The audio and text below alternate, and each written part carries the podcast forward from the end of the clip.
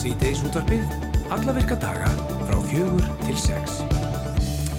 Já, sítiðis útarbygg komið í loftið og ég og Valur Grettisson ætlum að vera hér uh, til klukka 6. Heldur betur, hver einustu mínútu. Já, hrettur um það. Það er mánudagur í dag, er ekkur leðenda veðurspá í, í kortonum fyrir einhvern hluta landsins. Við erum náttúrulega að fara betri við það hérna og eftir. Já, það var allavega rók og rigning í Vesturbæri Reykjavíkur í morgun. Þetta var ekki auðveldast í morgunin allavega. Nei, nei, nei, nei.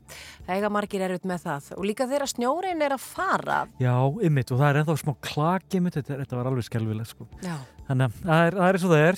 En við ætlum nú að heyra, fara á hlýri slóðina á eftir. Við ætlum að heyra í Hönnu Símonadóttur, sjálfbóðalið og fórstumóður fylgdarlaus Palestins Barts eftir nú, en hún er stöpt sér svo út í Kæró í Egiptalandi. Það er hún sjálf, sem sjálfbóðaliði á, ætlar að freysta þess að náhingandi landsfólki sem hefur fengið dvala að lefi hér á landi á grundvelli fjölskyldu saminningar. Þetta hefur náttúrulega verið svolítið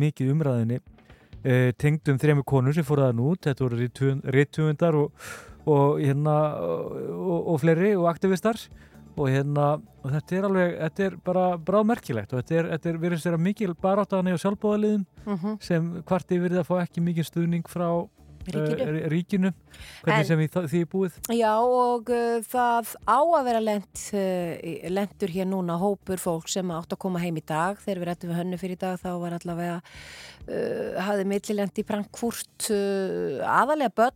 Þetta séu tvær konur í hópum, ég er ekki alveg klárað en hanna veit miklu meira um þetta og ætlar að segja okkur frá uh, stöðu þessa hóps og líka þá bara frá stöðinu úti.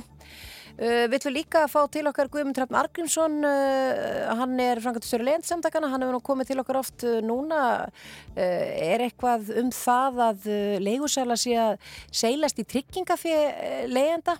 Já, þetta var ég, á Rúf fyrir helgi, það var verið að fjalla um það sem að Rúf.is þar að segja og það var verið að fjalla um það sem sagt að e, það er að auka svona mál þar sem leigusalar vilja fá hluta af tryggingafínu til að gera laga íbúðina eftir að leigutíma líkur Mm. og það eru mjög stránga reglu hvað þetta saman allt saman varðar ótrúlega mörg að, mikið af þessum málum enda fyrir uh, kærunefnd húsamála og þeir fáið svona mála hverjum einhvers að deginu sér borð og eh, þetta, er, þetta eru miklar fjárhæðir og geta sett leiðundur í miklar, mi, mikil vandræði ef illa fer sko. Mm Guðmundur veit miklu meira um þetta og uh, við ætlum líka að fá til okkar tvo félagsrákjafa í þáttinn. Það var haldið árlegt félagsrákjafa þing uh, fyrir helgi og það var verið að taka eitt og annað fyrir á þessu þingi sem við förum yfir á eftir uh, en við ætlum að fá til okkar Ragnhildi Hergistóttur, hún er félagsrákjafa lektor og hún fór uh, yfir mikilvægi félagsstjónustu á tímum hamfara.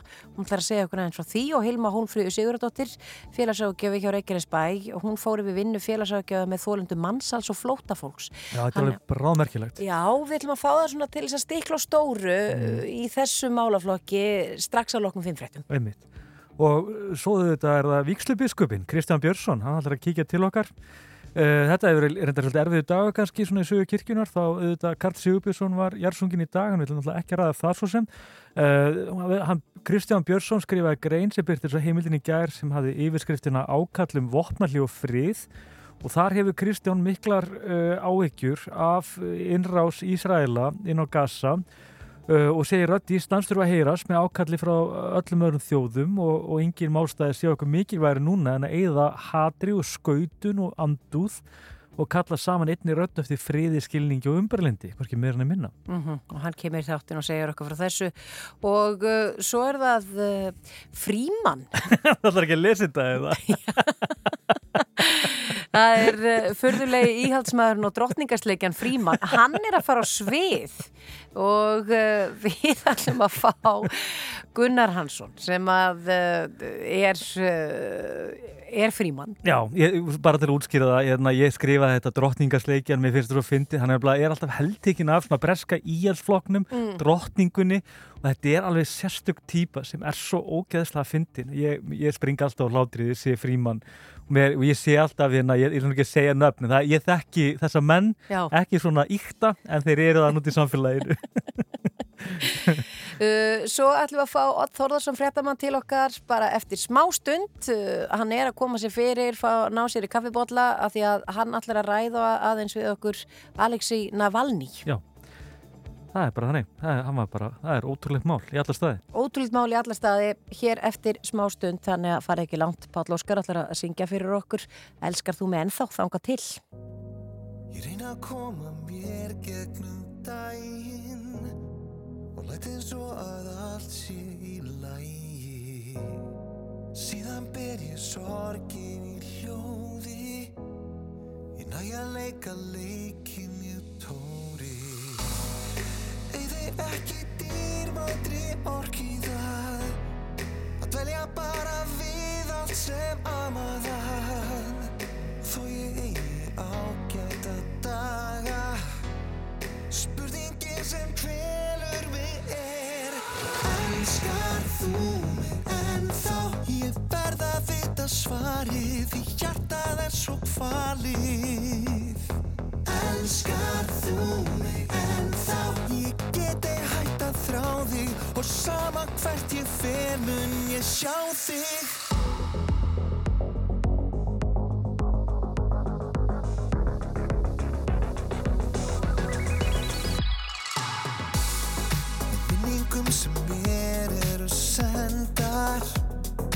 tekur varla lengur að nefna það sem fór í taugarna forðum.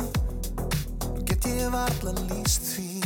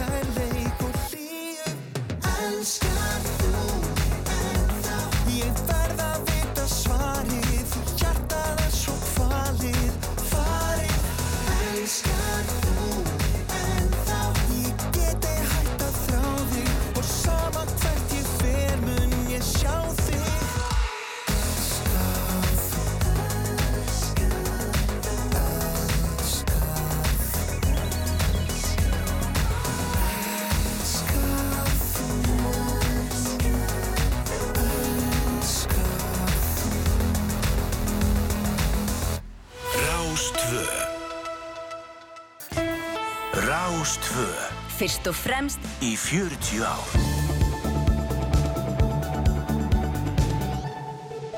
Og Ottur Þórðarsson, fréttamaður, er hinga komin til þess að eh, ég ræða eins Alexis Navalny, kontur blessaður. Já, komið þess alveg. Hvað segði okkur nú, það, það er komið upp í dúrnum frekar svona aðteglisverða tengingar við njósnaheim rússana sem er umfómsmikill og við höfum oft segið fréttum síðastlinn áratug. En hvað þátti þess að þetta verið eitthvað fangaskipti sem, uh, útskýrði aðeins fyrir okkur, hvað var gekk til? Já, sko, það hérna kemur upp út úr eins og segir í dag að, að hérna að stuðnismenn og, og talsmenn Alexis Navalnís uh, segja það að það hafi átt að veit honum frelsi bara núna á næstu dögum bara skömmu uh, eða svona ég er kringum það hérna, kringum svona miðjan februarmánuð uh, þegar hann dó og þá hafi verið það bara yfirvofandi að frelsa hann. Og í, í skiptum sagt, fyrir rúsneska njósnara sem er í haldi í Berlín. Mm. uh, og svona fangelskiptadílar eru náttúrulega nokkuð tíðir sko, þú veist, þú með njósnar frá mér í fangelsi, ég með njósnar frá þeirri fangelsi ef að skipta. Uh, og, þetta er vel þekkt. Og, og sérstaklega í dag sko, það eru mun mun fleiri njósnarar að störfum um heimallan í dag heldur en noktum til dæmis í kaldastininu þannig að þetta er svona nokkuð algengt, uh, algengt dæmi sko uh, og, og þessi njósnari sem þeir ætlaði að skipta Navalny á við mhm. er, hérna, hann var dæmdur fyrir morð sagt í Berlín, ekki satt Jó, Vadim Krasikov, rúsnesku ríkisborgari, uh, sagfældur uh, sem sagt 2019 heldur fyrir að skjóta tjetjenska uppreisnarleituan Selim Khan Kangosvili í höfuð og stutufæri uh, af því ég best veit bara í Berlín og hann bara fundið sig einhverjum morð þar í landi og, og setur uh, bara í fangilsi fyrir morð. Mm þá er þetta skipta á honum segja stuðnismenn Navalnís og Navalny og tveimur öðrum banderskum ríkisborgarum í haldi rúsa til viðbótar og við veitum ekkert hvaða bandersku ríkisborgar það eru. Mm. og uh, talsmaður Navalny sagði það í morgun að þetta samkomulag um, um þessi fangaskipti hafi bara verið að loka metrónum þegar Navalny síðan rekkur upp á deyr. Og hvað, hvað hleypur á snærið? Hvað, hvað gerir síðan? Að því að Navalny þetta deyr mm -hmm. og menn vilja meina að það hafi verið eða rússar vilja meina að það hafi verið slis eða mögulega einhver, einhver dán, eðlileg dánarórsök en það trúi því allan nokkuð maður. Akkurat Já, já, þeir, þeir segja að hann hefði bara farið út í göngutúr kent sér meins, fallið til jarðar og bara dáið allt í hennu mm -hmm. uh, sem að með við meðferðin á honum og með við útgangin á honum eins og maður sá þegar hann byrtist í þessum myndböndum úr þessu fangilsi sem hann var í Sýberíu þá er það ekkert svo sem skrítið. Hann gæti alveg hafa bara dáið út af illri meðferð sem hann sætti í fangilsu en svo gæti hann líka hafa dáið bara af því að honum var ráðinn bani og hann var bara Mhm. ráðinn á dögum og tekinn að lífi sko. það getur líka verið En ég meina ef hann hefur verið tekin að lífi og þá er vantarlega hætt við þessi fangaskipti mm, og er þá þessi maður sem að situr í haldi í Berlín er hann já, ekki jafn mikils virði og Navalny? Já, kannski ekki. Eh, En þú sér að það átt að skipta á honum miðan við þessa fregnir sem hann alltaf eru innan gerðslega óstaðfestar og það er nánast allt sem er snýst um Rúsland og svona óstaðfest. En sko, það átt að skipta á Navalny og tveimur ríkisborgurum gegn þessum eina rúsnarska njósnara. Þannig að þeir ákveðlega meti líf hans eitthvað einhvers veriði, sko, þegar þeir eru tilbúinur að Já, frelsa mannin sem að ógna rúsnarskum stöðuleika hvað mest, Alexei Navalny og síðan tvo aðra bandarska ríkisborgar og við veitum, eins og ég segi, við veitum ekkert hvaða bandarsku ríkisborgar þetta eru. Það er náttúrulega eitt sem er svona frekar uh, já, nafn hans er yfirlt svona óvarlega í þessar umræða, það er uh, Júan Gerskovic sem er uh, er bandarískur ríkisborgari já, uh, hann er blaðmað fyrir Wall Street Journal og Já, hann ákvaði að vera um kyrt eftir innráðs rúsa í Ukrænu Mhm. 2022 og hann var handtekinn og er bara í haldi grunnaður og njóstnir Mhm. að með minnir og hérna hvort að hann sé hluti af þessum, eh, þessum díl eh, ef að svo væri, ef að það kemur upp úr durnum sko, þá væri það svolítið svakalega fréttir að því að hans þess að endur koma hans og frelsun hefur verið beðið mjög lengi og það verið Já. hart sótt að því að reyna að fá hann lausan sko. Eh, Segðu mér, er, er einhverjar sögursagnir þá um að eh, Putin hafi sko, snúist hugur í einhver, einhvern tímann í þessu ferli eða hvernig er það? Það eru nú verið erfitt að segja það, eins og segja, maður veit ekkert hvað þeim manni e, gengur til eh, þegar að eitthvað gerist í Rúslandi af því að það er svona spekingar eru sammála um það að, að það eiginlega gerist ekkert í þessu landinni með hans blessun, sérstaklega ekki svona hlutir. Mm. þannig að einhvern veginn hlýtur hann að hafa hugsað já, nei, þetta kannski gengur ekki fyrir mig að, að sé vera að frelsa hann ef að hann hefur þá verið hluti af, af, af slíku ráðabryggi sko. Kannski hafa sjálfstæð fangilsismála yfirvöld verið að víla og díla með þetta. Mm. Ég skal ekki segja, ég, hérna, eins og segi maður er ekki innabúða maður í, í Kreml og, það- og það eru það Ekki fæstir hér á Vesturlundu akkurat, þannig, þannig að maður veit ekkert fyrir víst sko, en, en maður getur gert sér það í hugalund að Vladimir Putin hafi auðvitað vitað af, af öllu og, og, og ef þetta reynist rétt að það hafi verið hérna, samningar og loka metrunum um það að frelsa Navalny að, að þá hafi einhvern veginn verið ákveða kannski Mm að klippa bara á það En- eða, eða Navalny hafi bara dáið af, Já, já. bara vegna ídrar meðferðar í, í fangilsunu og, og tímasetningin sé bara svona óhaupileg, maður veit það ekki En menna ekki hann fær hún uh, líkið af Navalny? Já, uh, aðstendum Navalnins var afhengt líkið í fyrradag að ég held, Ok. þá sko rúmri viku eftir að hann lést. Þannig að það er, er ekki þetta að krifja og... Það er kannski erfið, þá þarf að flytja líkið úr landi, þetta er náttúrulega sko norður í Sýberíu, þetta er sko alveg eh, lengst út í ég veit ekki hvar sko. Og, og að flytja líkið og, og þá væntalega gera einhverja rannsóknur á því, ég man að sko það var haft eftir henni eh, Ljútmilu Navalnæju, móður Navalin sem að fór á norður til Sýberíu til þess að uh, fá að sjá líkið. Að það var sagt við hann að tíminn vinnur ekki með þér mm. ef hann er bara, þú veist og afsækki, ég skulle orðað þannig, ef hann er bara ef líkið byrjað að rotna á hana, þá, þá er ekki hægt að krefja það uh, þannig að, að, að hérna, það sé mikil vitneski sem kemur upp úr því, sérstaklega ef að taugaeitri hefur verið beitt sem að vita er til að hverfi úr líkumum fórnalampa Mhm. Uh, mjög uh, fljótt sko. En hvað, og hvað, ég meina, það stendur til að, að jarða mannin mm. og það, hafa, það hefur verið ótrúlur órileiki í Úslandi út af andlótans og menn, það hefur hundruðu verið handteknir, mm -hmm. svo það er sem bara sagt, hundruður handteknir í, í, í Rúslandi vegna andófs er bara alveg heil mikið. já, já. Þetta er fólk sem líklega verður aldrei fyrir ást aftur. Mm -hmm. Og hérna, verður hann jarðaður til að mynda við einhvers konar við, viðþöfn, hvað hefur móður hans verið að segja, hvað þetta varðar? Ég er bara hreinlega er ekki klárað sko, ég eiginlega get ekki ímynda mér að það verði jarðaför með einhverju viðhöfn í Rúslandi uh, út af Alexander eða, sagt að að jarðaförum verði eitthvað eitthvað tegnaleg sko. Mm. og Navalnæja, móður hans uh, segir það að hún hefði fengið að sjá lík Navalnís og, og að fangilsmáli auðvöld hafi svona reyndi einhvern veginn að bara fá að jarðan í kyrþei bara einhvers staðar það sem enginn sá til sko Já. og bara gera það fyrir luktum dyrum hreinlega Mm og, og bjóða henni að koma og segja, hérna er soniðin, hann liggur hér Mhm. uh, nú færði það hverja, gjör svo vel og bara bless -hmm. og, og, og það, sko, hún segir að fangilsmáli, ef þau hefðu fengið að ráða þá hefði það verið niðurst Já, þetta er nánast í ómerta gröfrinlega. nánast, að, sko, að, já, að, að það sé svona eiginlega punkturinn, sko, ég Já. meina og það, rúsneski ríkismjöla, þeir tala ekkit um Navalny, sko, Nei, nei, og þegar Putin er að minnast á Navalny, þá, þá notar hann ekki svona nafnið hans, nei. það kannski spyr einhver út í Navalny Já. og hann segir bara, já, þessi tiltekni borgari sem þú minnist þarna á hann, veist, hann, hann segir ekki eins og nafnið hans sko. Og hérna þannig að, þannig að hann, hann mun aldrei fá einhverja svona, eins og heitir á einsku eitthvað state funeral Nei, nei. En það er svolítið áhugaverð mópani sem breytust hann út, þá fólk hefur verið að leggja þessar blóm, blóm að minnismerkjum uh, Stalin, ekki satt? Sko, já, minnismerkju um sagt, Harðstjórn, póli- já, já, Stalíns, já. pólitískur ofsóknir á tímum Stalin sko. Einmitt.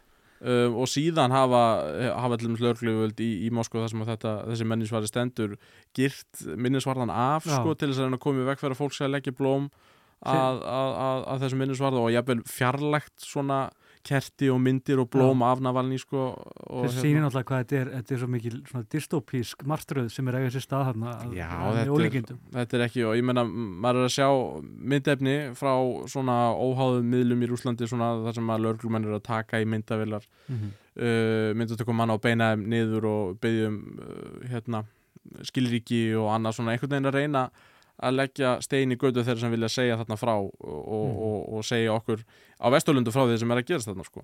að við skulum muna það að Pútín er veru uh, honum virðist vera svolítið í mun að láta líta út fyrir að sé líðræði í Rúslandi. Já, Það eru kostningar í ár og hann mun líklega bara vinna þær en samt eru kostningar Já, já. og það eru dómstólar og það eru hérna yfir kjörstjórnir og það mm.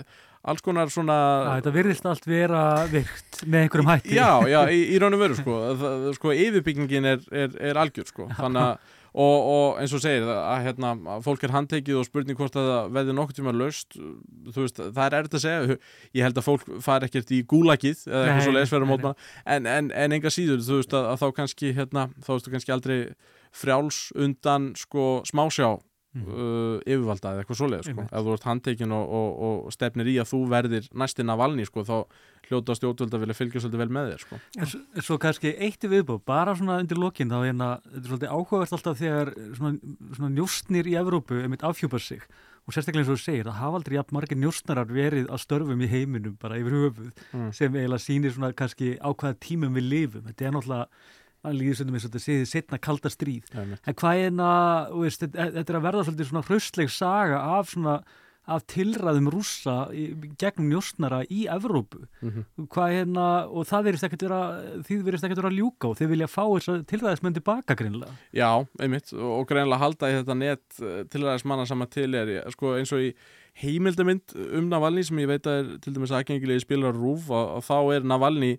með hjálp uh, vestarðarna blagamann að reyna að hafa upp á sko svona neti manna sem að fyldist með honum og, og reyndi að koma honum fyrir katanef og það er bara sveit manna greinlega sem að vinna við þetta sko. Mm. þannig að bæði er þeim andum að já að fá greinlega þetta fólk heim sem að er að vinna einhver myrkraverk út í Európu og svo, einmitt, við erum með hérna, Alessandri Litvinenko hérna 2006 sem var, var eitthvað fyrir og dó Skripal í Breðlandi 2006 17, 18, 19, ég manna ekki alveg. Novichok eiturnin fræga Akkurat, já, þannig, að, þannig að þetta er greinlega þekkt sko, og, mm. og, og það er alltaf þetta hálfpartin enginnismerki uh, á, á, á vettvangi glæpsins eitrið, eitrið hans Putin sko. Eitrið hans Putin Otur Þórasson, takk kærlega fyrir að koma og setja okkur inn í þessi mál. Rástvö Þetta er Rástvö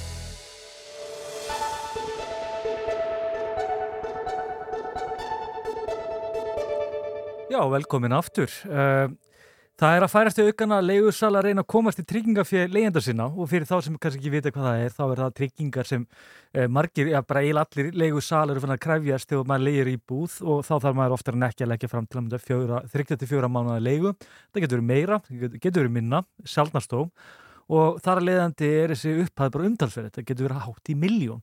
Guðmundur Hrafn Argrímsson, þú ert formaður leyendarsamtakana og veist ímislegt um þetta mál. Það kemur fyrir að þessir leigusalar vilja fá sér satt uh, klípar umverulega af þessu tryggingafið til þess að sinna viðhaldi sem er ekki endilega leyenda af uh, sinna. Hvernig bara er þessi baróta og hvað, um hvað, veist, Það er bara eins og, þetta? bara eins og réttulega nefnir, sko, það er ekki leigjendana að viðhalda íbúð uh, og leigusalar geta ekki gert að kröfu að leigjendur haldi íbúð í toppstandi út í. Einmitt. Það er bara, það segir bara í húsalegulegunum að leigusali skal annast þetta við, eh, viðhald á íbúðinni. Og það er meðal til dæmis mála sem að eh, mála veggi. Og það er mjög oft uh, svona ástæðikasteinn sem að varandi málningu. Þar sem að leigusali segir að það þurfa að mála heilmála íbúð uh, strax fyrir lok leigusambans og jafnvel þó að það hefur kannski varað ykkur mánuði uh, eða ár kannski að mesta þá gerir leigusali mjög oft kröfu um að uh, leigjandi máli uh, og það er mjög oft líka bara skrifað inn í leigusamninga.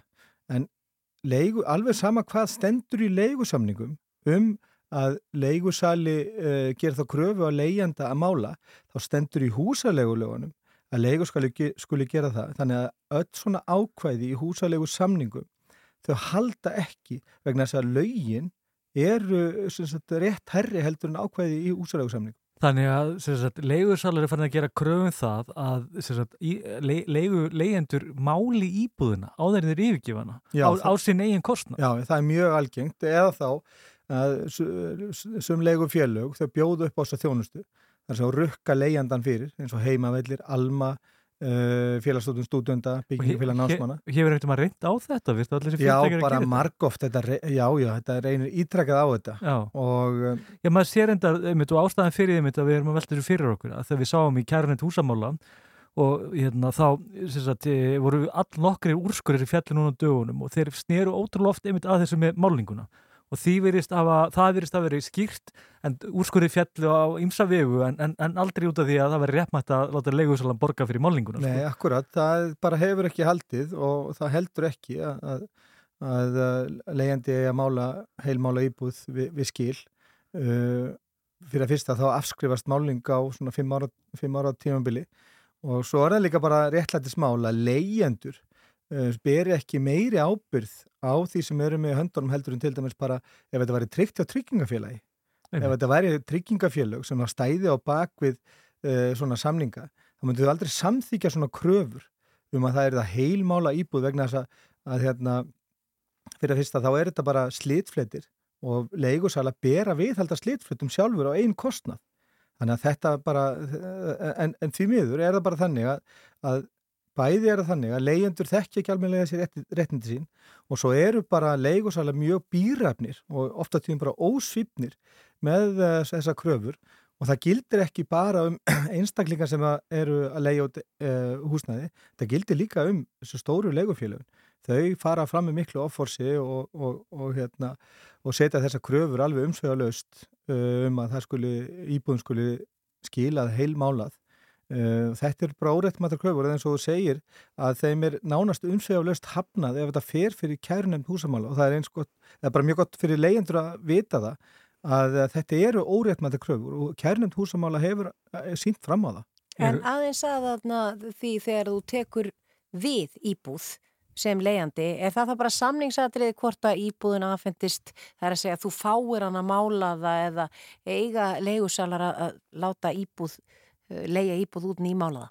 Nei, það er engi krafa að gera um það að íbúð skulu vera nýmáluðu upp á leigusambans, bara alls ekki ég hef nú sjálfur búin að vera á leigumarkaði tíu ár og, og aðeins einu sinni hef ég farið inn í íbúð, einu af þessum fimm íbúðum sem ég hef legt uh, hefur hún verið nýmáluð og það var bara þetta að það var ný íbúð mm. uh, þannig að sko uh, það, það er þannig það er gert sko krafum það að íbúð skulu skila í sama ástandi þar að segja að það skulu ekki vera skemmtir á henni nú það eru ákvæði um skemmtir þar að segja skemmtir sem eru þá umfram þetta eðlega slitt Uh, og það þarf leiðjandi ef hann veldur þessu tjóni á íbúðina, hann þarf réttilega að bæta það.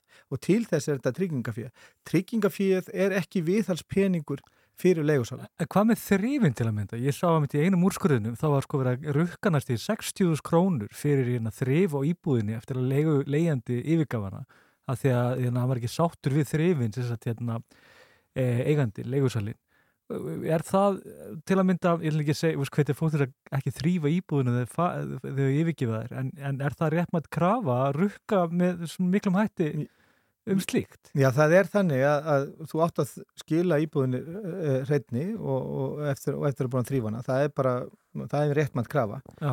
Nú, svo, svo kemur náttúrulega komum við að því hvað fólki finnst um þrýf Akkurat. Leigursalunum getur funnst þrýfin ekki nægileg og, og þau eru nægilega að mati e, leigjandans. Nú ef að þessi ágreiningur eh, sko bara botfrís þá verða menna að vísa þessu til kærnöndu húsamála og þá stendur það upp á leigursalan að sína fram á það að íbúðin hafi verið hreitni e, við upphaf e, leigursambans Nú svo er það líka bara þannig að, að sko þegar að uh, sko til dæmis þar sem að rúmgablar eru þá myndast oft svona eitthvað svona, svona far, far við, við, við, við veggi og þess áttar við nótkun og opnum og, og þá myndast svona fyttu taumar og sluðis. Það er ekki hægt að, að, hérna, að gera þá kröfu á leyendur að þeir skili þessu alveg eins og nýju. Þetta eru slítfettir sem eru nótkun Uh, þetta, þetta gildir bara um tjón ef að leyendir veldur tjón á íbúðinu þá þarf hann réttilega að bæta það mhm. Myndur þú mæla með því fyrir ekki guðmundur að þeir sem er að leia íbúð þau fara að leia íbúð, að þeir myndur bara eins og á bílalegu taka myndir af ástandi íbúðunar þegar þeir mæta á svæðið og er að byrja að leia hana og svo þá líka þegar þeir yfirgefa Alveg klárlega. Og ég ger þetta sjálfur alltaf. Að teki myndir af íbúðunum þegar ég er að flytta inn og þegar ég er að flytta út. Uh, ég hef svo blessunlega aldrei verið sko, sagt, þurftast, þurftast hérna, að borga fyrir tryggingu. En ég vil endi því að það hefur verið gert krafa um tryggingafíða þar sem ég bjóð þar sem að uh, við komum til leigursali taldi þrifi með áfátt. Uh, og, ári, og hvernig fór það og hvað áhrif hafið það á þig? Þetta var mjög óþægild vegna þess að hann gætt setið þarna á tryggingafíðinu í, í fjóra vikur. Þar sé hann gætt beðið fjóra vikur með því að gera kröfuna og svo uh, tekur eitthvað tíma að vinna kröfunni og, og ef hún þarf að fara fyrir ákjörðin en túsamála þá er það ennþá lengri tíma sem að, sem að uh, Og getur hann haldið eftir kröfun allan tíma? Já, hann getur haldið eftir kröfun allan tíma Það er tryggingafínu Já, já tryggingafínu að meðan að málið er vinslu og þetta er mjög óþægilegt vegna þess að eins og þú nefndir hérna réttilega þá er þetta stóra fjárhæðir. Og mínu tilvöki var þetta tæplega miljón sem að leigursali held eftir. Og þetta var rauninni þessi, þessi sparnar sem ég átti til þess að geta, trygg, geta tryggt mér annað leiguhúsnæði. Þannig ég gæti ekki tryggt mér leiguhúsnæði að meðan var verið að vinna úr þessari kröfu af því að hann held tryggingafinu og ég gæti ekki borga það í þessari nýtt húsnæði. Og ég veit að margi leyendur lenda akkurat í þessu að þegar að leigursalar halda eftir tryggingunum þá eiga er ekki fyrir til þess að geta greitt fyrir og greitt tryggingu á öðrum stað.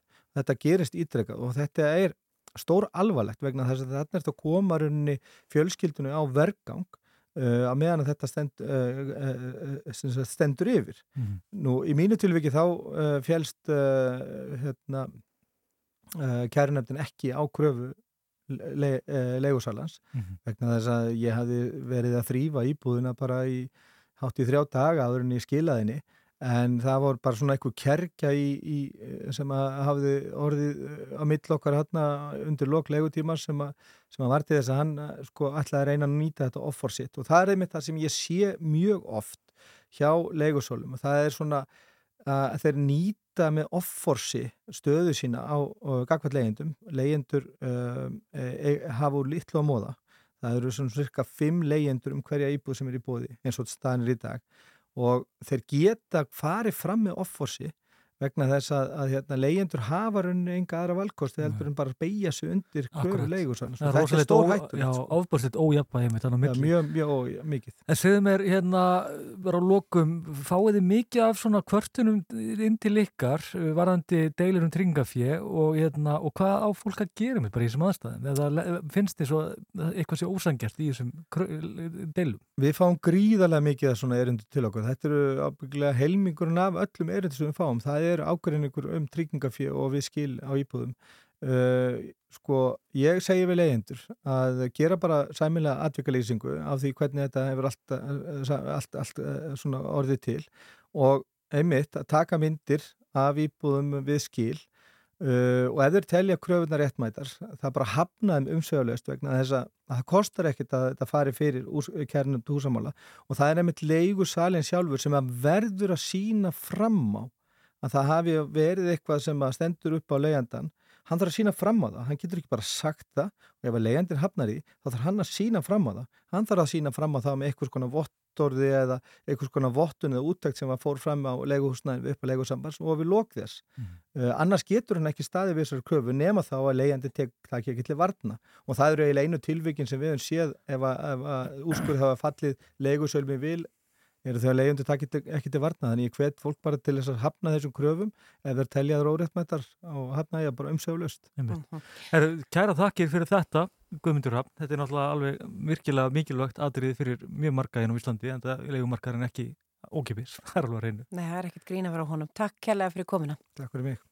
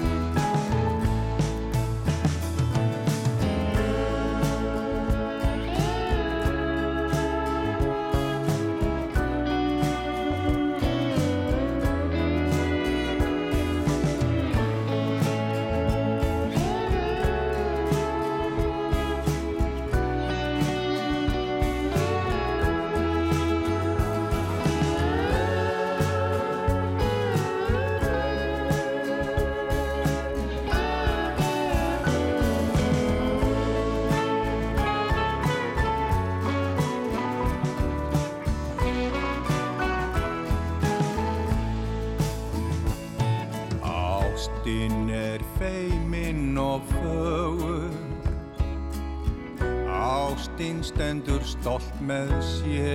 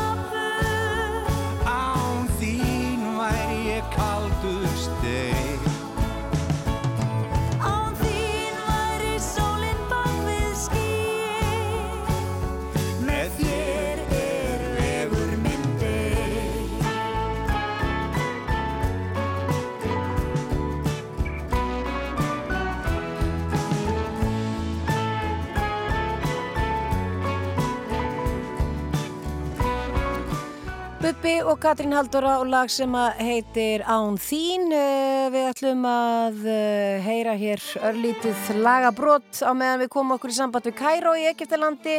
Það ætlum að tala við hana Hönnu Símonadóttur sem er sjálfbóðaliði sem að vinnur að því að koma fólki heim frá Gaza. Allt eftir smástund.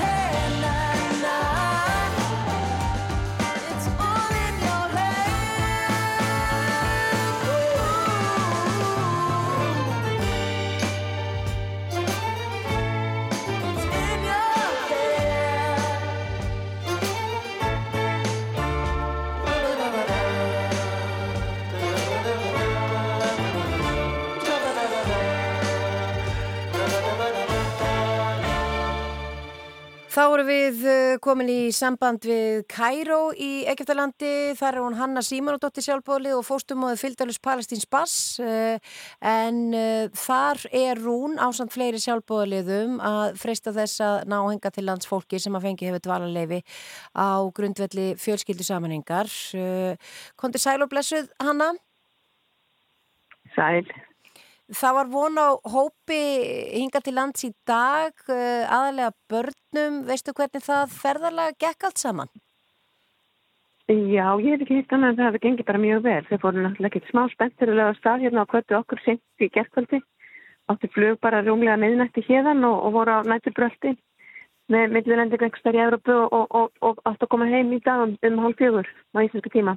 Já. Allir nema einn. Það var hérna fullorinn maður sem að var uh, mikið veikur og, og var fór beittur á spítala en, en hann er útskrifaður og er hjá okkur og, og við bara vonumst til að hann komist heim til Íslands á næstu teimu dögum. Var þetta fólk allt saman á Rafa svæðinu þegar þið hjálpuðu þeim yfir eða hvernig, hvernig kom það til að þið fyndu þeirra hóp? Nei, við erum ekkert að leita að fólki. Það er bara þeir sem að hafa fengið samþýtta fjölskyldusammenningu. Já. Þetta er bara langur listi. Það voru yfir 120 manns þegar það var byrjað að hjálpa þeim svona. Og það er svona forgangsröðunin hjá, hjá þeim hópi af okkur sem heldur utan en það hver, hver kemur næst. Þá er það bara alvarlega veikir og mjög ung börn og gerðan þá móðir með nokkur börn og einhverjaði veikanski. Það er, það er svona þeir sem eru í forgangi eins og er. Og, og það er bara við sjáum um að, skrá þetta fólk við bara förum með öll, allar réttu pappira og, og, og hérna sem að vegabrefs afrit og fleira í þessu skrifstofu og greiðum fyrir þessi þjónustu. Og svo kvöldinu áður en, en viðkomandi áfar yfir landamærin þá fá þau skilaboð og koma sér á landamærunum. Ég veit að fólk er bú- búið að, við sem að var í vonum að komast með þessum flutningi, var komin á rafa, bakkaði aftur vegna þess að ástandi þar er mjög kritist og beigð milli, milli rafa og kanjónis á einhverju svæðum þar, fengu, þessi skilaboð og komið sér þá af landamærunum. Þannig að það er allir gangur á því, bara hvernig fólk... bara svo, svo, maður, svo bara við skiljum Íslandingar, svona hvernig þetta eh, gengur fyrir sig, veist, eru þið þá uh, eru þið með einhverja höfustöðvar þá sjálfbóðaliðarnir sem, sem fólki getur komið til eða hvernig, hvernig virkar þetta raunverulega? Þetta er svo- Nei. Áttu við fólki þegar það er komið? Nei, já, þegar, hvernig bara finnið þið þá sem Nei. eru, sem sagt, þeir sem hafa dólarleifu á grundvelli fjölskyldusaminningar og, og annað eins, Já, hvers konar vinna all- er þetta? Allir, allir þeir sem eru komið með dvalarleif á grundvelli fjölskyldu sammenningar eiga að fjölskyldumæðilim á Íslandi og við erum yfirleitt í samskiptum við þá. Já, til þess að útvega þessi til dæmis afrita vegabrif og fleira sem þarf sem við þurfum að leggja fram hérna.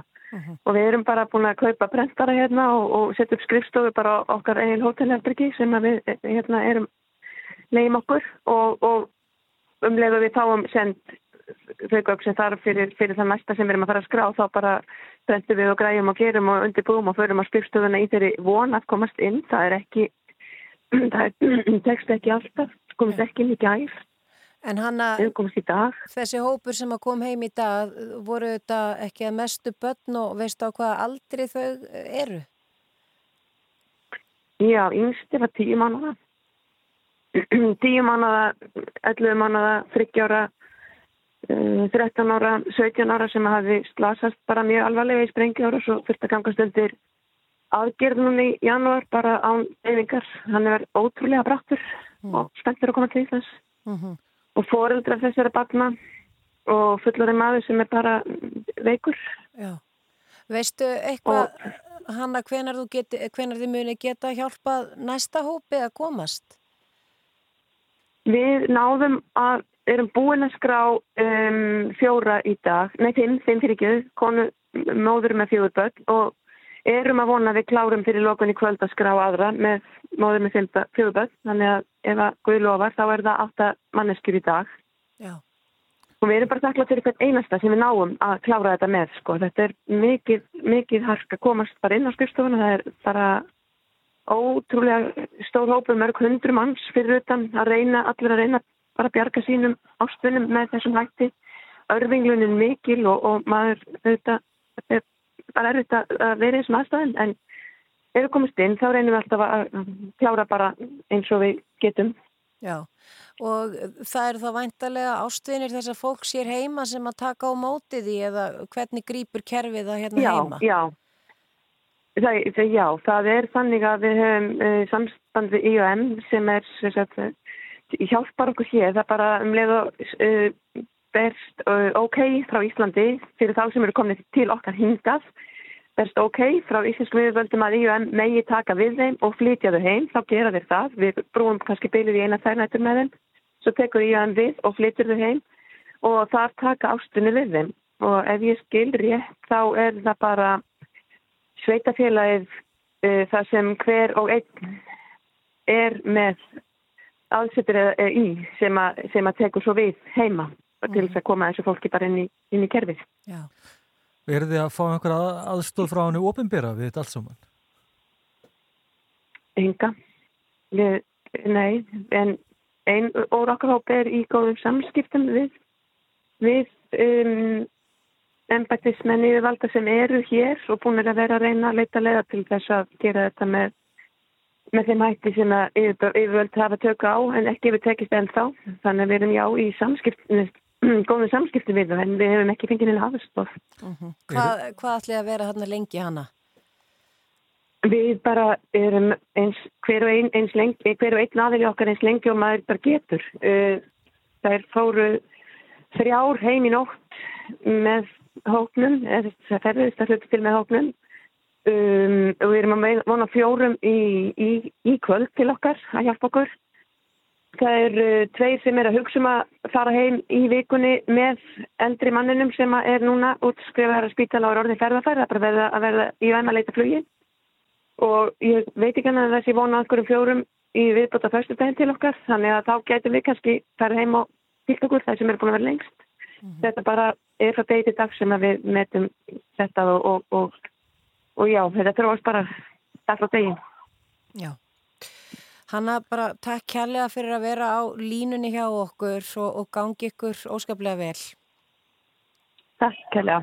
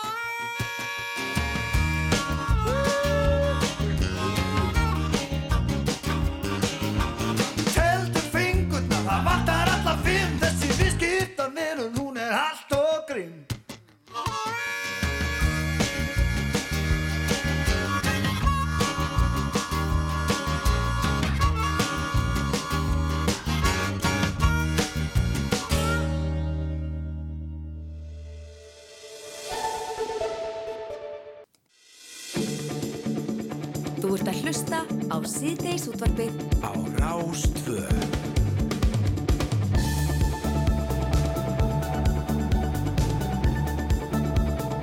Já, velkomin aftur. Uh, við ætlum nú að halda áfram með ímislegt. Við ætlum að hitta Gunnar Hansson á eftir, eða Fríman, eða hva, hvernig sem það er. Ég held hann komi sem Gunnar Hansson. Er það ekki? Jú. Þekkja, fjölmargirinn þekkja auðvitað Fríman sem er náttúrulega uppdiktaður karakter og er náttúrulega stórkostlega fyndin íhaldsmaður Mhm. sem dyrkar bresku drottninguna og er svona fyrðulegur íhaldsmaður breskur og, hérna, og mikið mentarsnopp í honum.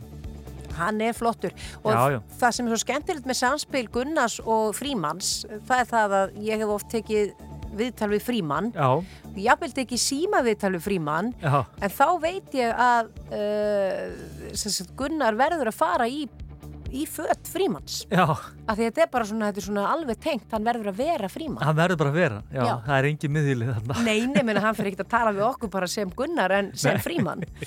Já, við ætlum að gera það og við ætlum líka að fá til okkar vikslubiskup á eftir Já, það er Kristján Björnsson, hann skrifaði grein sem byrtist á heimildin í gær sem hafði yfirskriftina ákallum vopnalli og frið. Þar kallar hann eftir vopnalli og gasa og segir að Íslands þurfa að heyrast með ákalli frá öðrum þjóðum. Það er náttúrulega engin málstæður sem er mikilværi núna en að eða hatri, skautun og andúð og kalla saman einni rödd til friði skilningu umberlindi. Hann er ekki að byggja um lítið. Nei, Það er bara þannig. Hann er ekki að byggja um lítið og við ætlum að ræða þessi mál við hann hérna á eftir. En við ætlum að byrja á þessu því að fyrir helgi þá var haldið árlegt félagsrákjafa þing þar sem að framfóru hinnar ímsu málstofur. Uh, þar var meðal annars eh, tekin fyrir stuðningur við aðstæðnendur sem að glíma við fíknivanda og skerðingu á mannreitnundum íbúa á hjúgrunarheimilum Uh, það var fleira tekið fyrir þarna þinginu en þar fór uh, Ragnheiður Hergersdóttir félagsrákjafi og lektor yfir mikilvægi félagsstjónustu á tímum Hamfara og Hilma Holmfröður Sigurðardóttir félagsrákjafi hjá Reykjanesbæ fór yfir vinnu félagsrákjafi með þólendum mannsals og flóttafólks og þær eru hinga komnar, velkomnar. Takk fyrir það. Takk fyrir. Já, Takk fyrir að byggja okkur. Og já, bara takk fyrir að koma. Okkur langaði svo til þess að fá ykkur uh, hinga til okkar til þess að fara svona aðeins stuttlega áhundavaði við það sem að þið voruð að, að uh, fjalla um. Og kannski Ragnæður, uh, byrjum að á þér.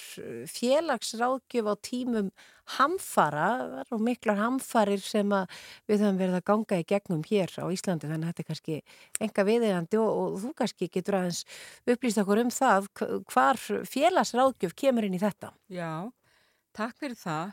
Eh, Félagsráki og félagstjónusta mikilvæg á tímum hamfara, það er sannlega þannig og, og það er búin, búin að vera miklir hamfara tímar og ekki síst hérna hjá okkur á Suðvesturhóttninu og Reykjanesi núna undanfærið.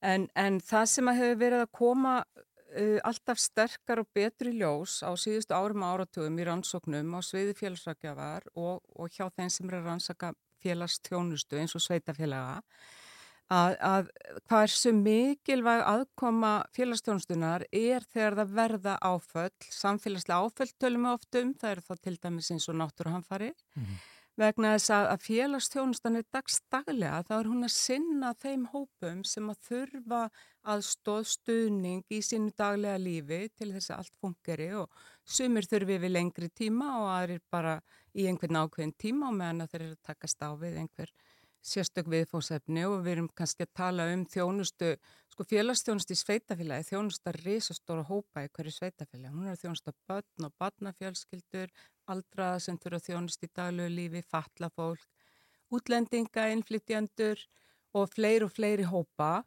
Og það sem að gera félagsþjónustuna svo hérna sterka og, og glögga í svona aðstæðum eins og hamförum er það að vegna þessa daglega verkefnis þá þekkir hún svo vel hverjir eru viðkvæmir í þessu samfélagi sem hún starfar í og hverja þurfum við helst að styðja. Og rannsóknir allstæðar áur heiminum hafa einmitt sínt það að þeir sem að eru í, á einhvern nátt í viðkvæmri stöðu þegar að áfall verður, þeir eru viðkvæmari en aðrir þegar að áfalli dinur á.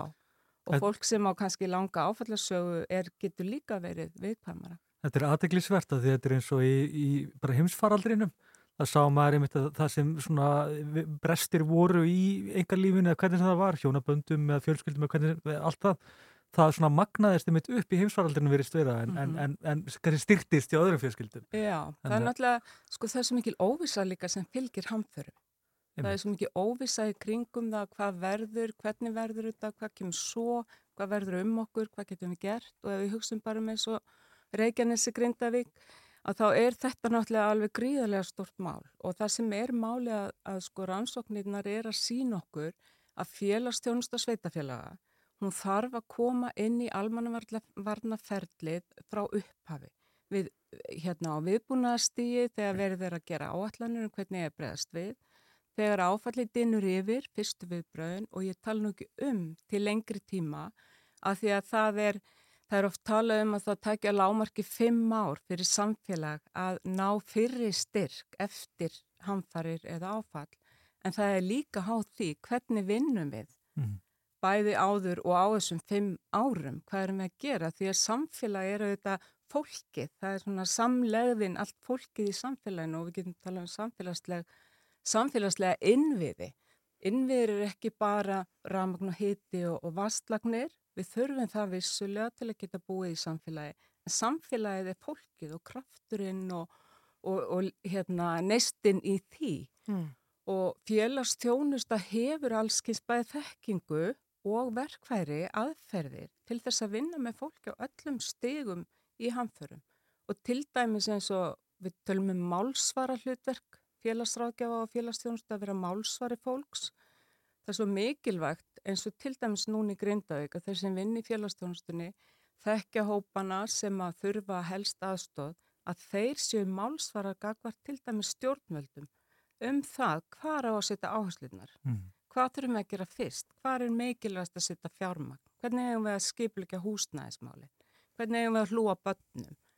Hvað, hver eru þarfir fallars fólk sem þurft að flytja af heimilin sínum og býr kannski við mikla óvissu eins og svo margir aðri? En höfum við staðið okkur nógu vel í þessu eins og þú segir að huga þessum innviðum af því að nú skilum að það, það eru liðnir yfir hundrað dagar síðan að Grindavík var rýmd og, og það eru alls konar tilfinningar uh, sem eru eðlilega að kræma hjá grindvikingum höfum við gripið þau nógu vel þarna?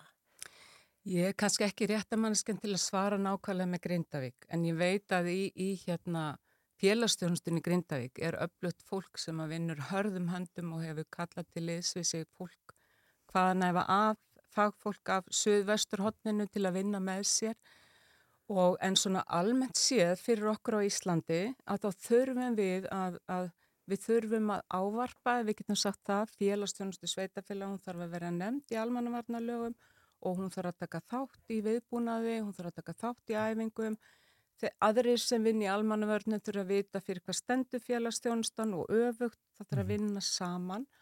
Og ég hef bara mikla trú á því að við endur skoðan almannavarna lagana núna sem stendur yfir, þau eru frá 2008, núlgildandi lög, að þá verður þetta bara aðeins, það verði skert á þessu þannig að við séum bara að tala um þá aðila sem eiga verðaninni og virkjum alltaf þekkinguna og, og, og bjargirna sem við höfum því að þegar upp er staðið þá snýst þetta bara um fólk. Mm -hmm. snýst um fólki En Hilma, þú, þú ert hérna eh, félagsráðgjafi hjá Reykjanesbæ Já, og, er einmitt af þessu svæði sem já, hún er að tala um. Ég get svo sem staðfest að grindvikingar eru búin að vera að taka að vel utan um sitt fólk og félagsjónustan þar búin og við höfum verið í samstarfi við þau. Svo ég grípi hérna þennan bolta svolítið. En þú hefur líka verið að vinna með þónendum mannsals sem er aðteglisvert vegna þess að mannsal er eitthvað sem kemur bara mjög sjaldan upp á Íslandi þegar í það minnst að það kemur að sko dómskerfinu en er mm. líklega mjög algengt þrátt fyrir það, mjög falin,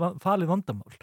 Hvernig byrtir þetta þér til að mynda í, í vinnunni? Já, sko eins og við vorum að tala um hérna sko, varandi félagsrákjöfuna að vera svolítið að horfa á aðstæður fólks og við séum svolítið meðvituð um hvað getur verið mögulega í gangi sem er ekki alltaf alveg sínilegt og það er kannski sem að, það sem við vorum að tala um við félagsrákjafana á föstudaginn og um, um dómskerfið og, og lagaraman og allt það. En við vorum svona að líka ræða þessi mikilvæg, það mikilvæga að að horfa á þær aðstæður sem að fólk er í og horfa kannski ofans, aðeins ofan í þær og velta því upp er eitthvað, er eitthvað sem að uh, fólk þarf stuðning við eru, eru þarna er það kannski að upplifa einhver svona áföll eða hefur það orðið fyrir slíku ofbeldi sem er þarna þannig að, við, þannig að þeirra félagsjónustan er að taka múti fólki að við skoðum það alltaf. Mm, já, líka að því að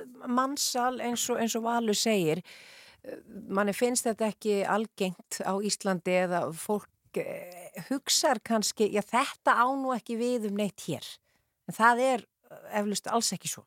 Nei, ég held að sé líka oft með það sem maður verið að vinna í velferða þjónustunni. Það er nú ekkert eitthvað alltaf rosalega mikið ofinbert en við er, höfum sannlega verið að taka á móti þólendum mannsals og bara því miður þá er það að koma upp í okkar samfélagi og vinnum þá viða með eins og lauruglunni og stjættarfélagunum og, og bjarkarlið og öðrum og erum að vinna alltaf með þeim sem að eru líka að styðja við fólk í annar staðar í kerfinu. Mm -hmm. Hversu mörg tilfelli fáið á hverju ári bara um vinnumannsal? Hefur það svona, svona um það byrju kollinum eða? Nei, ég er nú ekki með þær tölur en það hefur svona verið að aukast þessi meðvutund og verið að skoða aðstæður fólks og stjættarfélagin hafa svolítið verið að, mm -hmm. að fylgjast með því og, og fólk líka verið að leita til stjættarfélagana. Og nú hafið þið verið að aðstofa þetta flóta fólk og það er mjög mikið aðjöð í Reykjanesbæi mm -hmm. við, annar staðar. Hvernig hefur það gengið? Það er nú uh, svona svolítið mikið mótstaða við uh, hælisleitundur í það minnsta í samfélaginu og bara frekar sterk útlendinga andúð að þið virðist. Hvernig upplifir þið þetta og, og hvernig upplifir uh, flótafólk þetta? Uh, ég held að við allavega hjá Reykjanesbæ og við á velferðsvið upplifum bara að, að það sé vel tekið á móti flótafólki og, og starfsfólkið hjá Reykjanesbæ hefur verið að standa sér gríðarlega vel í í þeir, þeim stuðningi sem að bæði umsækjendur um alþjóðlega vend og flótta fólk hefur verið að fá hjá okkur. Og það bara allstaðar í, í kerfinu og hérna uh, það hefur verið að pluma sig nokkuð vel og bara eh, með góða virkni á, á vinnumarkaði og þetta bæði flótta fólk og líka almennt innflytjendur í Reykjanesbæ. Þannig að, að það er þetta að styðja fólk í hverstagsleikanum sem að félagsrákjöfinn snýst svolítið um. Og eins og ég var að tala um á þann að styðja fólk í aðstæðum og erum við að styðja fólk við það að takast á við þær aðstæður sem að það býr við? Erum við að styðja fólk þannig að, að taka það úr einhverjum aðstæðum sem að er ekki æskilegar, kannski eins og við erum að tala með mannsalið mm -hmm. á erum við held að fólk fari út úr þeim aðstæðum? Mm -hmm. eða, eða erum við að breyta aðstæðum, erum við að breyta einhverju í samfélaginu og þess áttar og ég held að það þarf líka að vinna með þá eh, þessa eins og þú nefnir anduð í gard fólks og, og að við séum að skoða erum við að, erum við að horfa á svona samfélagsbreytingar þannig að þær séu hlýðhóllar þeim sem að búa í mm. samfélaginu. En aðtökuð þáttakann, atvinnu þáttakann er náttúrulega mjög góð og mjög mikil. Hvernig líður fólki til að mynda skjólstæðingum ykkar bara bæði, bara vinna mikið á Íslandi myrkrið bara, og íslensk vinnumenning kannski, hvernig er svona upplifið fólki þetta? Já, ég get nú kannski ekki alhæft alveg en ég held að almennt að fólki líði vel og það sé vel tekið á, á mótið því og, og það eru auðvitað hellingsáskoranir við það að, að aðlegast og svona, eða taka þátt í nýju, nýju samfélagi en heilt yfir held ég að fólki líði vel og það sé almennt vel tekið á mótið því, mm -hmm. það sé alveg Nú var, hvað, 60 ára afmæli uh, félagsrákjaða félagsins. Uh, eru nógu margi félagsrákjaðar á Íslandi? Þarf ekki að spýti í?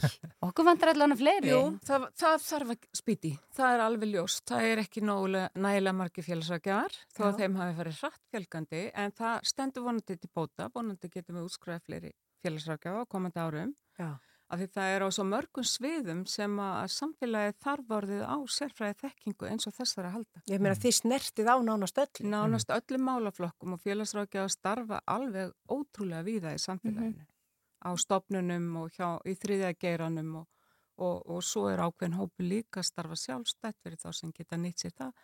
Þannig að til dæmis skólafélagsrákjafin í ljósi farsaldarlagana sem að tóku gildi fyrir tveimur árum félagsrækja verið í skóla á heilsugjastlu, mjög mikilvæg. Fyrir ekki, hvað, hvað er þriði geirin? Þá erum við að tala um félagsamtök sem er að reyka þjónustu oft með framlægi frá hennu ofinbera. Já, ég skil. Svo hjálpræðsirinn og rauðkrossin. Mjög öflist og til dæmis í hamfaramálunum er náttúrulega þriði, þú veist, rauðikrossi með samning við mm -hmm. við almannavarnir og landsbjörg þetta er gríðarlega mikilvæg samtök Já, mm -hmm. fullkomlega Já. Mm -hmm. Þannig að við hvetjum fólk til þess að sem er að velta fyrir sig hverja að menta sig að fara að skoða félagsákjum Ekki spurning, spurning. Við tökum það fyrir aldrei lokkmála þar sko. Aldrei lokkmála þar bara takk fyrir komuna Ragnhjóður Helgistóttir og, og Hilma Holmfröðu Sigurðardóttir félagsákjafar fyrir að koma takk og gefa okkur svona takk smá insinn í það sem þið gerir Takk. Ég veit svo margt hefur breyst Vindar blás ekki eins og áður fyrr En hér erum við. En þá hlið við hlið Og ég veit að er þarna enn. Það sem við fundum í den Þó við gleymum því Lífsins amstri Því ef við lokum bara augunum Við deilum ennþá sömu draumunum og mér. En líður best í fangin á þér. Svo dansaðu við mig Bara eitt lag enn. Já, legðu vanga þinn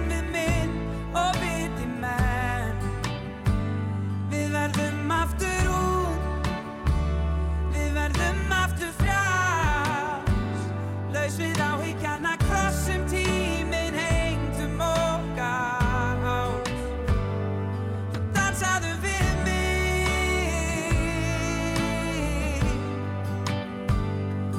Dansaðu við mig Bara eitt lag Við eigum eftir svo margt. Og séð og gert og ósagt En hugsum ekki um það. Og njótum dagsins í dag. Því ef að lokum einhver spyrði mig Hvort ég hafa átt líf sem ég var sáttur við Þá ég veit ég myndi segja honum Ég hafði allt það sem ég dreymdi um og mér Leið alltaf best í fangin á þér. Svo dansaðu við mig Bara eitt lag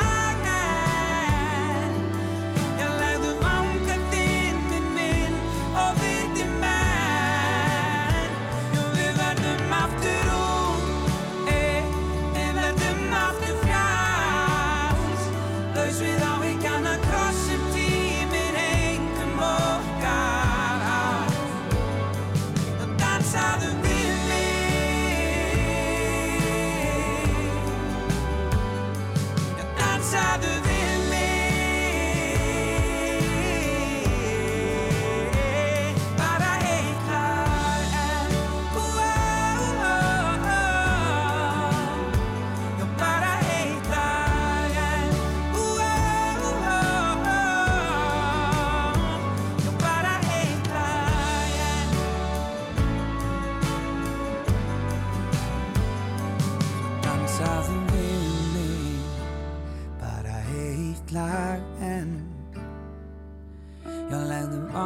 þinn við minn og viti menn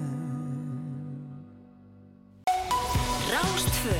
Fyrst og fremst Við erum Rástfö.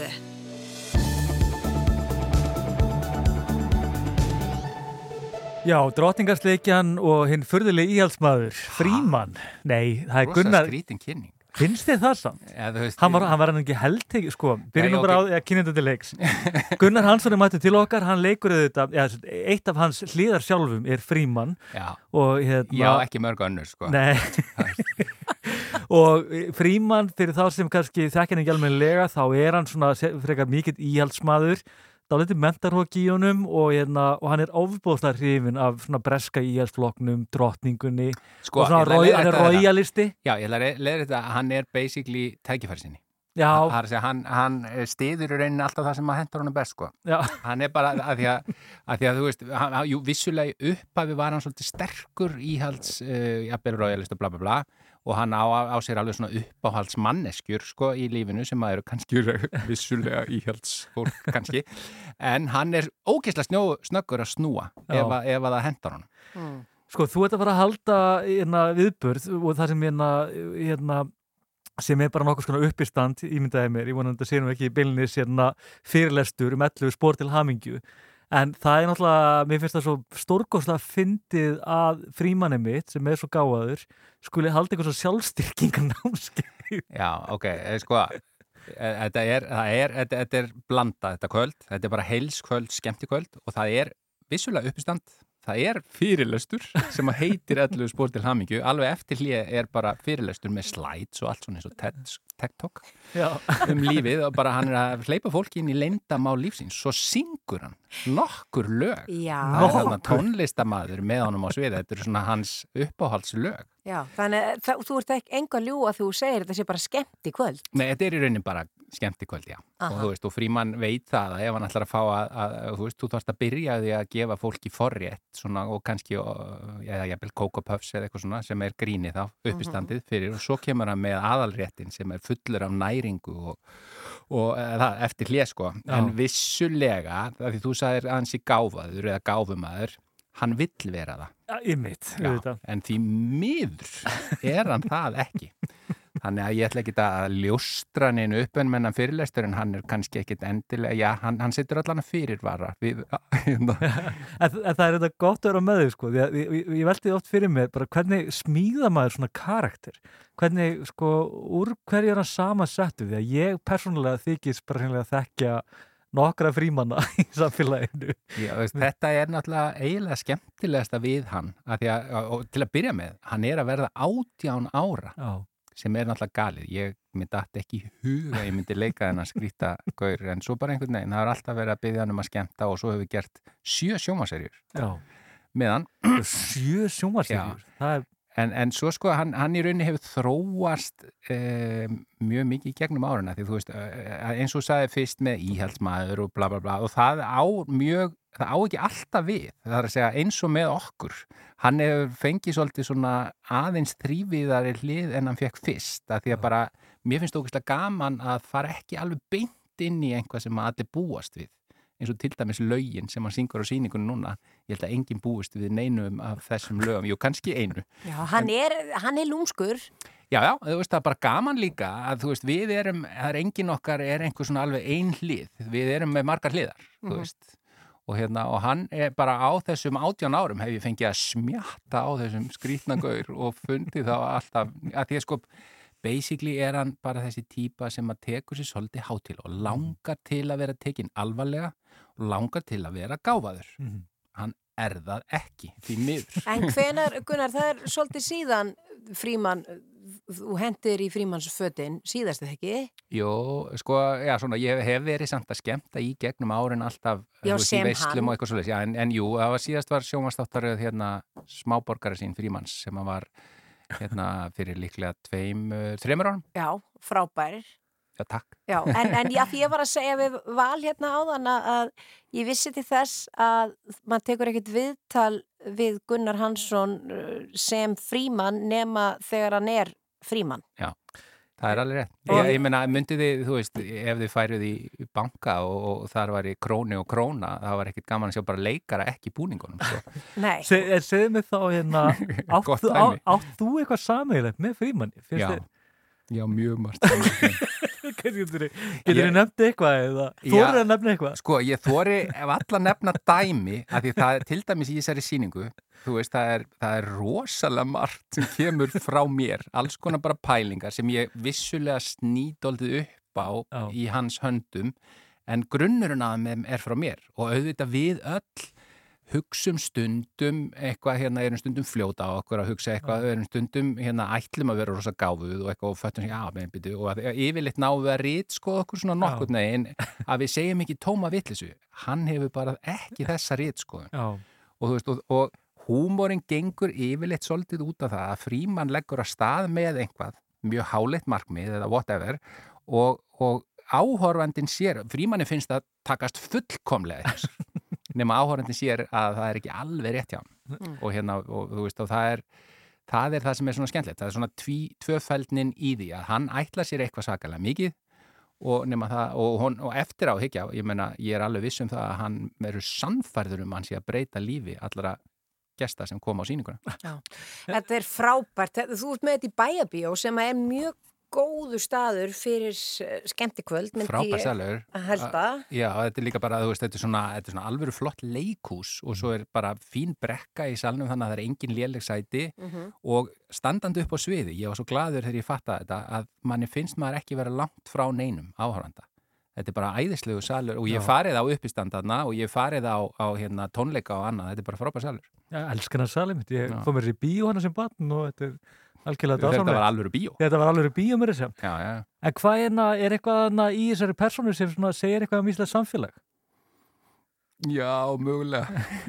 Það fallega er að ég er svo oft spurður að ég, heyrðu, er þetta ekki örgla byggt á þessum eða þessum og þessum og það er alveg bara mjög vítt og breytt personungalleri mjög oft er það rétt.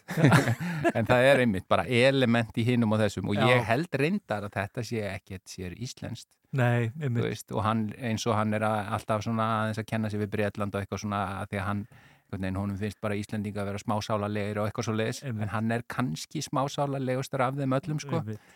Þú veist, og við erum alveg gjötna á að gera þetta að, að þú veist, að stundum finnst manni bara Ísland glatað og mann langar bla bla bla, bla og Já, svo já. kemur maður, ef maður er burtu frá Íslandi í smá tíma þá fattar maður bara, já, nei, það er æði Heima, heima er best. Er, er, hefur hann alltaf verið í sumu fötunum?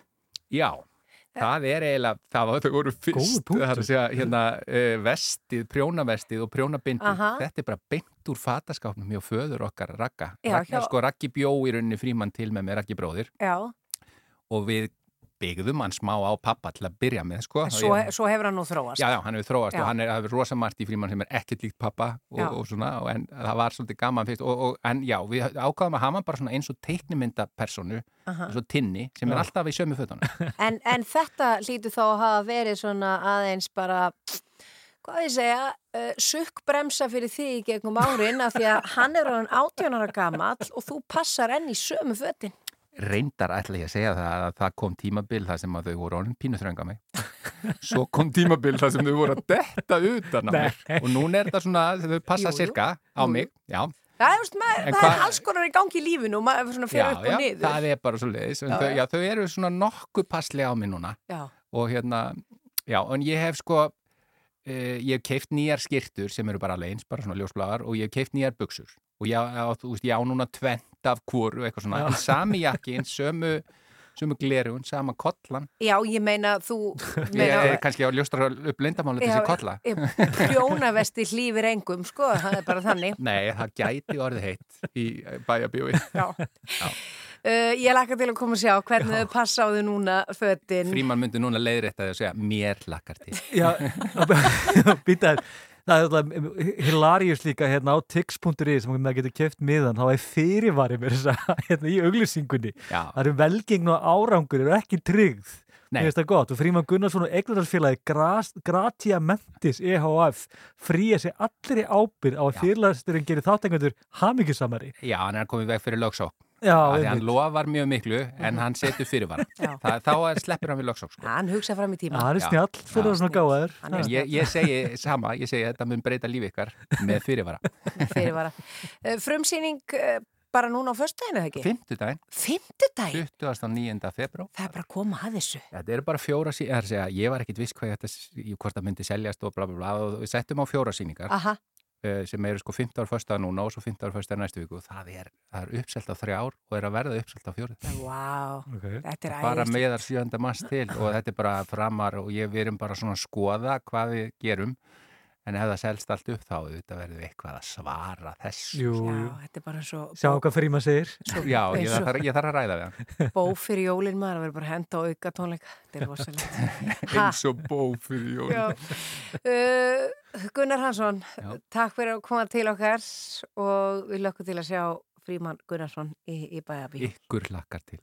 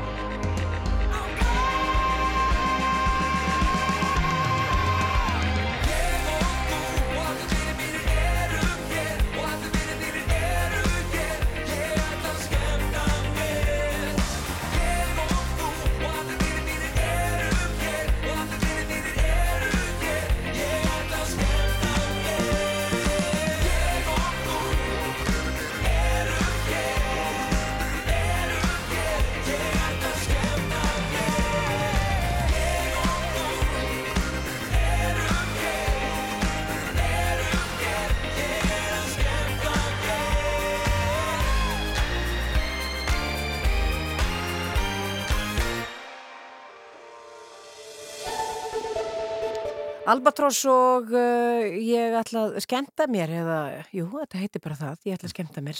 En uh, Það er nú ekki það sem við ætlum að hafa að gera núna kannski en, en, en þetta áhugavert er það. Víkslu biskupin Kristján Björnsson er komin inn til okkar. Hann skrifaði grein í, he, he, á heimildina uh, um helgina, eða sem byrtist á förstu daginn uh, sem hafði yfirskriftina ákall um vopnalli og frið. Það er verið að kalla eftir vopnalli og gasa sem er nú bara aðdeglisvert bara ég, maður lítur að spyrja þig Kristján bara svona, þetta er einhver hugleikið þess, þessi staða sem er þarna fyrir botni miðrahafs Já, það er það náttúrulega, við eigum hérna sýstu kirkju, lútersku kirkjuna í, í, í hérna Jordani og landinu Helga sem er bara mjög mikilvægur um, samstagsæðal okkar og tengilegur við fólki sem er í, um, í vandræðum, er í þjáningunni og er undir árásum. Og eru þið að beita ykkur með ykkurum hætti sagt, til þess að hjálpa á annað eins? Ég mynda mér að, að það oft sé þörf nú sér nöðsinn. Já, það er er einhvern veginn þannig kerfið í, í lúterska hinsambandinu að, að sagt, hjálpar aðstofa mjög mikil, mikil peningasettir í það og, og mikil hjálp uh, og hjálpast að kirkjunar er sko okkar tengilegur hérna heima við, við þau að það fer einhvern veginn allt í gegnum lúterskirkjuna sko vegna þess að það er þá, þá er þetta örugt fólk að það fer öruglega til þeirra sem þurfa á því að halda. Mm -hmm. Þú segir það hérna í greininni að uh, rödd Íslands þurfa að heyrast með ákalli frá öllum öðrum þjóðum um það að það verði komið þarna á vopnarlið. Finnst þér já, íslenska þjóðin eða þá kannski íslenska ríkið ekki vera svona að hafa nógu hátt og, og heimta vopnarlið?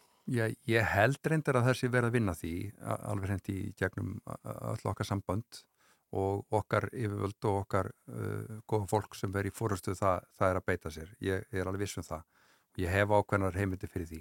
En, en hins vegar er sko, uh, það, það er svolítið óþægilegt tilfinning að, að sko, við, þurfum eiginlega að passa það alveg gríðarlega vel að, að, að þessi átökkat fyrir botnum miðrafsins breyðist ekki út Og, og eitt af því sem er að... Þegar þú talar um breyðist ekki út, er alltaf að tala um í hernaðarlegum skilningi? Já, um það er í... náttúrulega er núna til dæmis verið að, að sprengja upp í Líbanon og það er verið neyri í Jemen, verið að sprengja þar og, og þeir hafa líst yfir árásum á skipin sem er að fara súis og þeir, Já, að þeir... Þau eru, hérna, eru visslega breyðast út. Og... Já, og þeir, þeir tengja það sjálfur húttarnir, sko, Já, tengja það uh, stuðningi við uh, Palestínu og, og hérna gegn Ísrael og þetta er, þetta er hættulegt, þetta er alveg svona búið tunna og, og hérna og það, það, er líka, mm. það er líka önnur leið veist, þetta er líka breyðast út með annars konar hætti maður hefur séð að, að mm. þetta er að valda miklum pólitískum óróleika ekki Já. bara í bandaríkunum Breitlandi, Norðurlöndunum þetta er líka einn á Íslandi Já. það sem við séð bara átaka fletirnir eru mjög mísjafnir, mm. stundum er það Eurovision stundum er það eitthvað annað en, en þú skilur hvað við, það ekki? Jú, það er, það er svona daldið okkar tákn okkar tíma, er, er svona skautun og, og það er Um, það er alls konar um, yfirlýsingavarðandi sko, þjóðetni fólks líka, það er alveg ótrúlegt að það skulle vera orðið meira áberandi í dag heldur en var bara þegar við vorum að vinna gegn alls konar þjóðetnis higgju mm -hmm. og, og hérna nú er þetta allt í einu orðið meira áberandi og, og við erum að ráðast og við erum að dómhörgakvart uh, uh, þjóðum í heilu lægi sem mm -hmm. er ekki gott ég held að sé bara ekki gott fyrir sálun okkar heldur.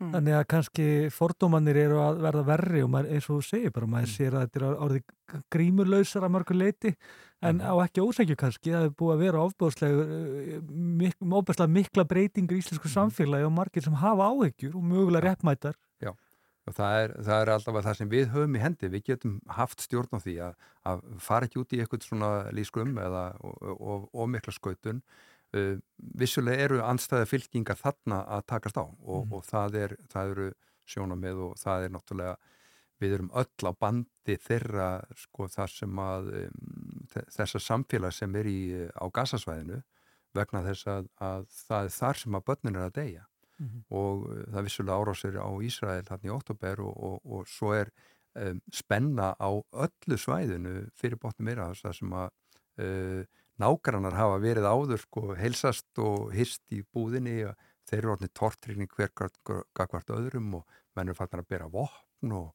mm. og svo bara verða átök og það er spenna og jáfnvel einhver drefin bara uh, í borg sem er ekki akkurat á átakarsvæðinu. Mm. En svo sjáum við líka svolítið svona einstakar, eh, hvað maður að segja, svona, það er svona eh, sjálfbóðarlegar til að mynda núna í Kæró sem mm. eru faraþangað, þetta, þetta er nánast fordamarlaust mjög áhugavert að sjá hóp taka upp hjá sér sjálfum, bara vennileg borgarar að bjarga fólki af þessu mhm. stríðsfrjáða svæði Já.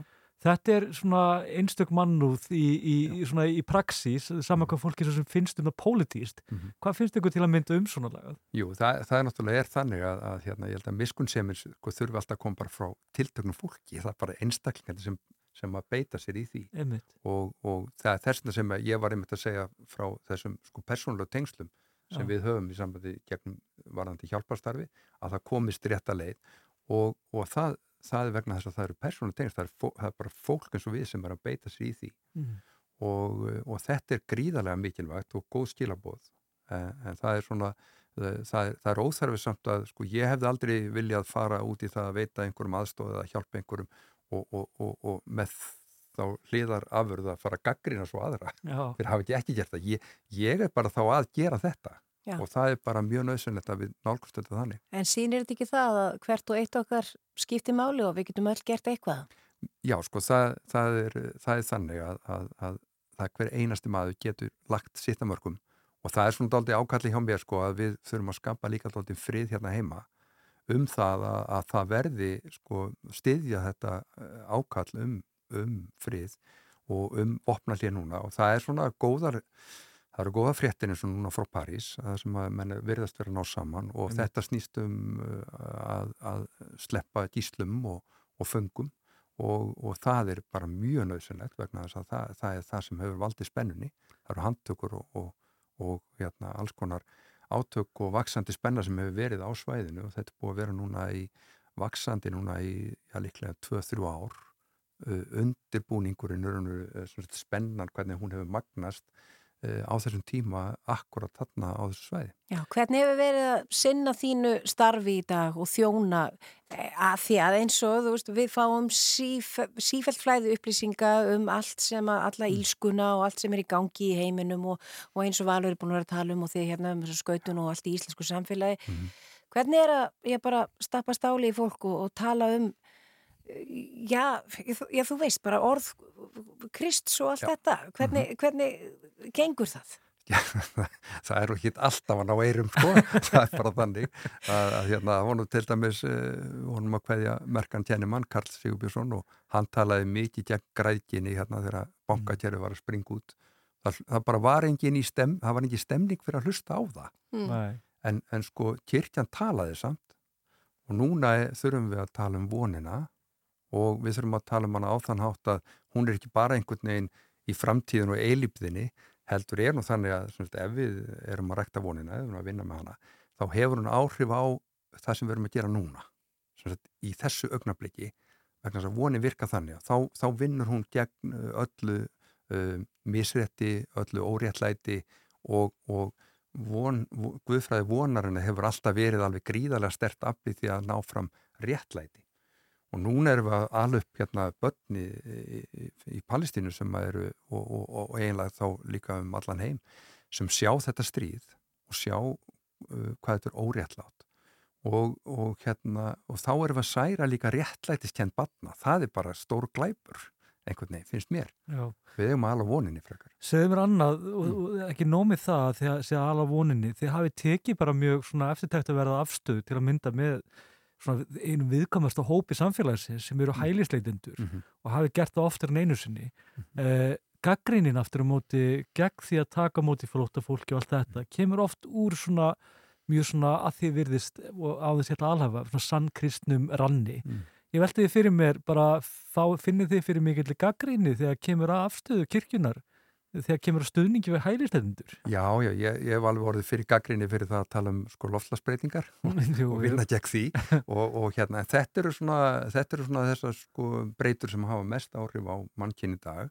Og það er, svona, það er, það er, það er hérna loftlagsváin, það eru fólksflutningarnir, flóttinn frá alls konar óbyggilugum svæðum, eðmerkuvæðingun í, Mhm. í Afríku og fleiri, fleiri svæðum. Og, og hérna, og stríðum það er bara mjög víða stríð. Mhm. og, og, og þetta er bara tíman að tákn og svo, svo, svo, þetta, þetta eru svona tveir af þessu stóru þáttum sem hafa bara áhrif á uh, tilveru mannsins sem slík sko. Og við þurfum að geta að tala um það.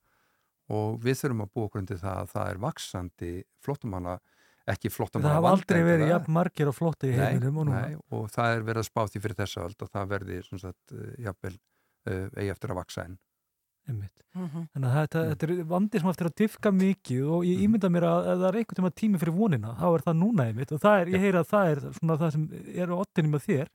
Hvernig svona alla kirkjan, sko, er einhver, einhver svona, hafið þið íhugað með einhverjum svona veist, vil ég alltaf að gera eitthvað til þess að hérna, koma á samtali á milli aðeila meðalans á Íslandi? Við veldi fyrir mér eins og ríkistjórnina og fleiri sem kannski mætti tala skýrar máli í afstöðu sinni Jú, kirkja náttúrulega var með í yfirlýsingu með mannreyndaðskrifstofunni og fleiri, fleiri aðlum barnahjálpinni og, og, og, og um, sko, uh, sem að gáð núna yfirlýsingu núna bara fyrir stöttu Einmitt. um þessi mál og ég vitna svolítið í það það eru upplýsingar frá barnahjálpinni og það er náttúrulega bara stjelvilegt uh, varandi þessu stöðu þannig að við þurfum að ræða svolítið svona efnislega um það hvernig getum við mætt þessu að því að líka sko það er annað sem var að breyta svo mikið á þessari öld er að auka svo mikið að það þegar það eru stríð og eru stríðsátök þá, þá ráðist svo mikið á saklösa borgara.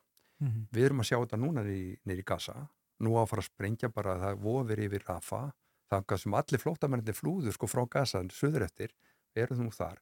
Og, og svo að fara að ráðast þar á, á, á þessa borg. Og, og þetta er þetta, þannig fólk, fullt af fólki einu og hálf miljón manna sem eru komnið til Rafa og þau eru í stór hættu núna og vegna árásar og, og við verðum bara að, að einhvern veginn að vinna gegn því þetta er svona prófsteitt finnst mér þetta stríð og þessi átök þarna og þessar árásur og saklusa borgara og börnin þarna, þannig komið yfir tíðus börn sem hafa Þetta er farist ekki þarna. mikil mennska í þessu. Þetta er algjörlega ómennst og hérna og, og það er sko uh, það er verið að spá því á þessari öll muni það aukast að flest fórnanum í öllum stríðum verði saklusi borgarar.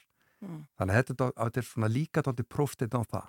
Þetta er nýji veruleikin okkar og við þurfum að, að einhvern veginn ná böndum, Mhm. koma böndum á þetta. Já. Má ég spyrja bara einu á lokum, uh, ég held að tímið sé að hlaupa frá okkur, en það ég veldi fyrir mig bara svona, na, kannski úr hindi yfir annað, ég bara byrst afsökunar á því, þetta er svo ólíkt, en hérna, það er líka uh, verið að tilhörna til biskupsinn á Íslandi, það var hérna, fóð nú svolítið úrskeiðis á dögunum, það sem tilnefningar svona hálfpartin týndus út af tæknilegum vandamálum og annað eins, ég hef aldrei skilið það mennilega en, en það byrjaði aftur. En, en til að mynda, þú ert alltaf auðvitað sjálfur vikslubiskup á hólum og ég, í Skálholti. Skálholti fyrir já. og ég, ég ímynda mér að þú fáir örgulega tilhefningar eh, hvernig sem fer og hérna, er það eitthvað sem getur hugsað þér að, að vera biskup? Ég, ég veit ekki, það, bara, það verður þó bara að gerast ef að, ef að fólk vill það. Já, það er bara svo einfalt. Já. Kristján Björnsson, Víkslu biskup í Skálafti, takk fyrir að koma til okkar og, og við köllum eftir vopnarlegi og vonumst eftir friði. Uh, en uh, eins út að byggð, það verður ekki mikið lengra að þessu sinni. Nei, það er bara komið að því. Það er bara komið að því að fara að kveðja. Við erum búin að koma víða við, uh, ringdum til Kæró í Egiptalandi sem við töluðum meðal annars við hönnu Símon og og uh, Já, það var þungt símtalið mitt, var, ég vil bara segja það. Það var aðteglisvöld að heyri í þeim og þá fekk maður einmitt þessa, svona þetta andrúrslótt svolítið beint í æð, þar fekk maður líka að heyra svolítið um neyðina og Mhm. þetta var bara alveg hræðilegt. já, við vonumst eftir að geta, já, allavega bjarga átta til viðbótar uh, til viðbótar við það sem það komið í dag þannig að við skulum vona það og við erum þakklátt þessu góða fólki sem þarna er. En uh, við verum hérna á sama tíma á morgun uh, þökkum ykkur bara kærlega fyrir samfélgina og vonum að þið njóti kvöldsins. Ætlum að enda þetta hérna á E.G. More Than a Woman heitir þetta